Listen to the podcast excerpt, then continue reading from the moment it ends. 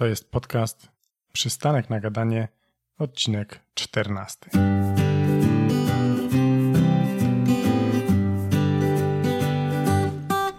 Cześć, tu Piotrek Michalski. Witam Cię w podcaście Przystanek na gadanie. Rozmawiam tu z inspirującymi gośćmi, którzy podróżowali w bliższe i dalsze miejsca, a czasami dzielę się własnym doświadczeniem. Jeżeli jesteś ciekawy świata i chcesz poznać niesamowite przygody, a także dowiedzieć się, jak podróżować lepiej, to dobrze trafiłeś. Po bieżące informacje wpadaj na Facebooka, a po zdjęcia z moich podróży zapraszam na Instagrama. Jeżeli nie chcesz przegapić kolejnego odcinka, to koniecznie subskrybuj ten kanał. Cześć, dzisiaj odcinek solo. Dzisiaj opowiem Wam o tym, dlaczego mieszkam na Teneryfie i porozmawiamy trochę o spontaniczności w podróży. Zacznę od tego, że dwa miesiące temu stałem się najszczęśliwszym facetem na świecie i ożeniłem się z Zuzią. Już od dawna planowaliśmy, że po ślubie gdzieś wyjedziemy na jakiś dłuższy okres. Myśleliśmy o wakacjach w Azji, o wyprawie rowerowej do azjatyckich Stanów. No ale wiecie, jest pandemia, więc finalnie nic z tego nie wyszło. Kraje się pozamykały i teraz się podróżuje naprawdę bardzo ciężko. No i jak to w ogóle się stało, że e, wyjechaliśmy tutaj? W ogóle to jest też taki to trochę paradoks, dlatego że chcieliśmy na początku właśnie wyjechać na Kanary. Potem, gdy się okazało, że na Kanarach trzeba nosić maseczki, że jest tu dosyć duży reżim sanitarny, są spore obostrzenia, to stwierdziliśmy, że pojedziemy gdzieś, gdzie będzie trochę luźniej. Jakie było nasze kryterium doboru miejsca? Chcieliśmy pojechać gdzieś, gdzie będzie ciepło, gdzie będzie można się wspinać, bo jest to nasze ostatnie największe hobby. No i też dobrze by było, żeby to była jednak nasza strefa czasowa, dlatego że pracujemy zdalnie i chcielibyśmy dalej pracować, dlatego no nie wyobrażamy sobie pracowania nocą, gdzieś tam wstawania o trzeciej nad ranem, żeby pracować. To nie wchodziło w grę, więc szukaliśmy gdzieś czegoś w naszej strefie czasowej. Afryka odpada, no bo jednak trochę się boimy, zresztą tam się teraz zarazić, to też pewnie byłoby nieciekawie. Więc padło na Grecję, na Kretę.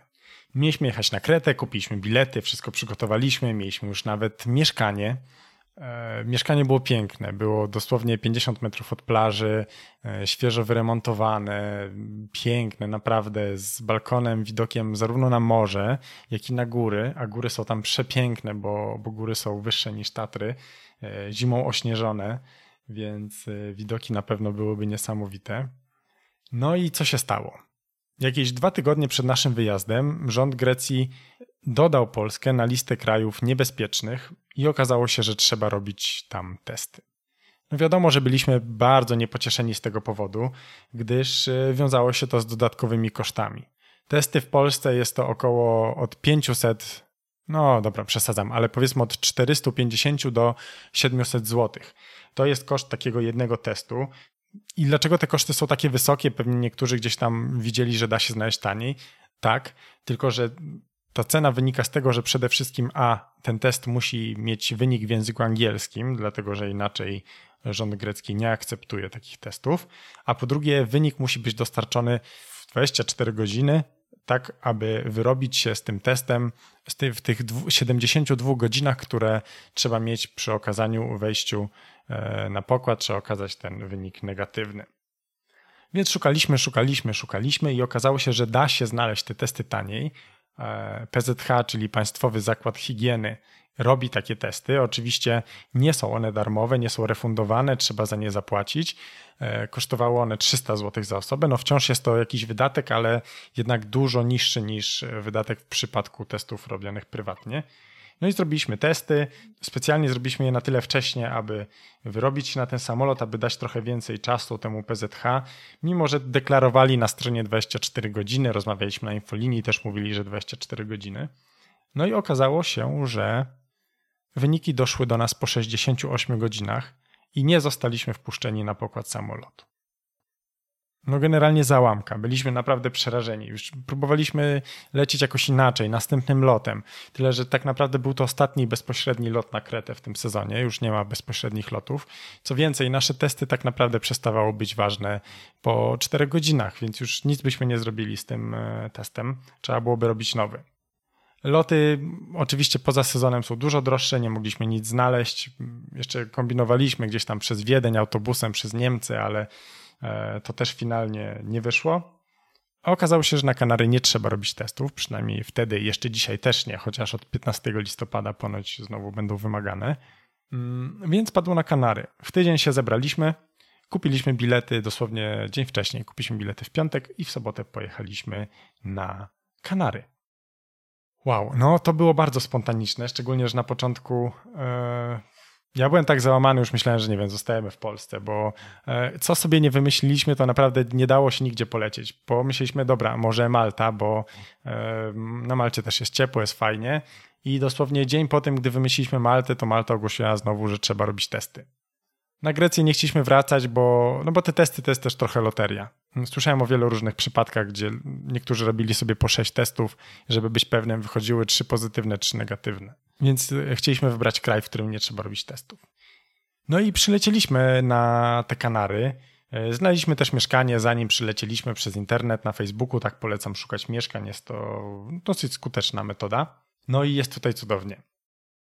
Na Kanarach jest świetny klimat do życia, szczególnie zimą i późną jesienią. W tym momencie temperatury za dnia to jest tak od 22 do średnio do 26 stopni, chociaż czasami e, potrafi skakać do 31, ale to raczej rzadkość. Noce to tak od 18 też do 22 stopni, więc jest bardzo przyjemny klimat. E, do tego to obok płynie zimny prąd morski, więc te temperatury są naprawdę przyjemne, nie są takie, nie jest tak parno.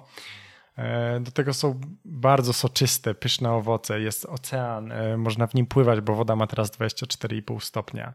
E, z Zuzią nurkujemy, wspinamy się, jemy krewetki, owoce morza, ryby, które są 100 razy lepsze niż w Polsce. I, I, gdy patrzymy na to, co się dzieje w kraju i, i jak tam wygląda teraz sytuacja, to naprawdę cieszymy się, że tu jesteśmy.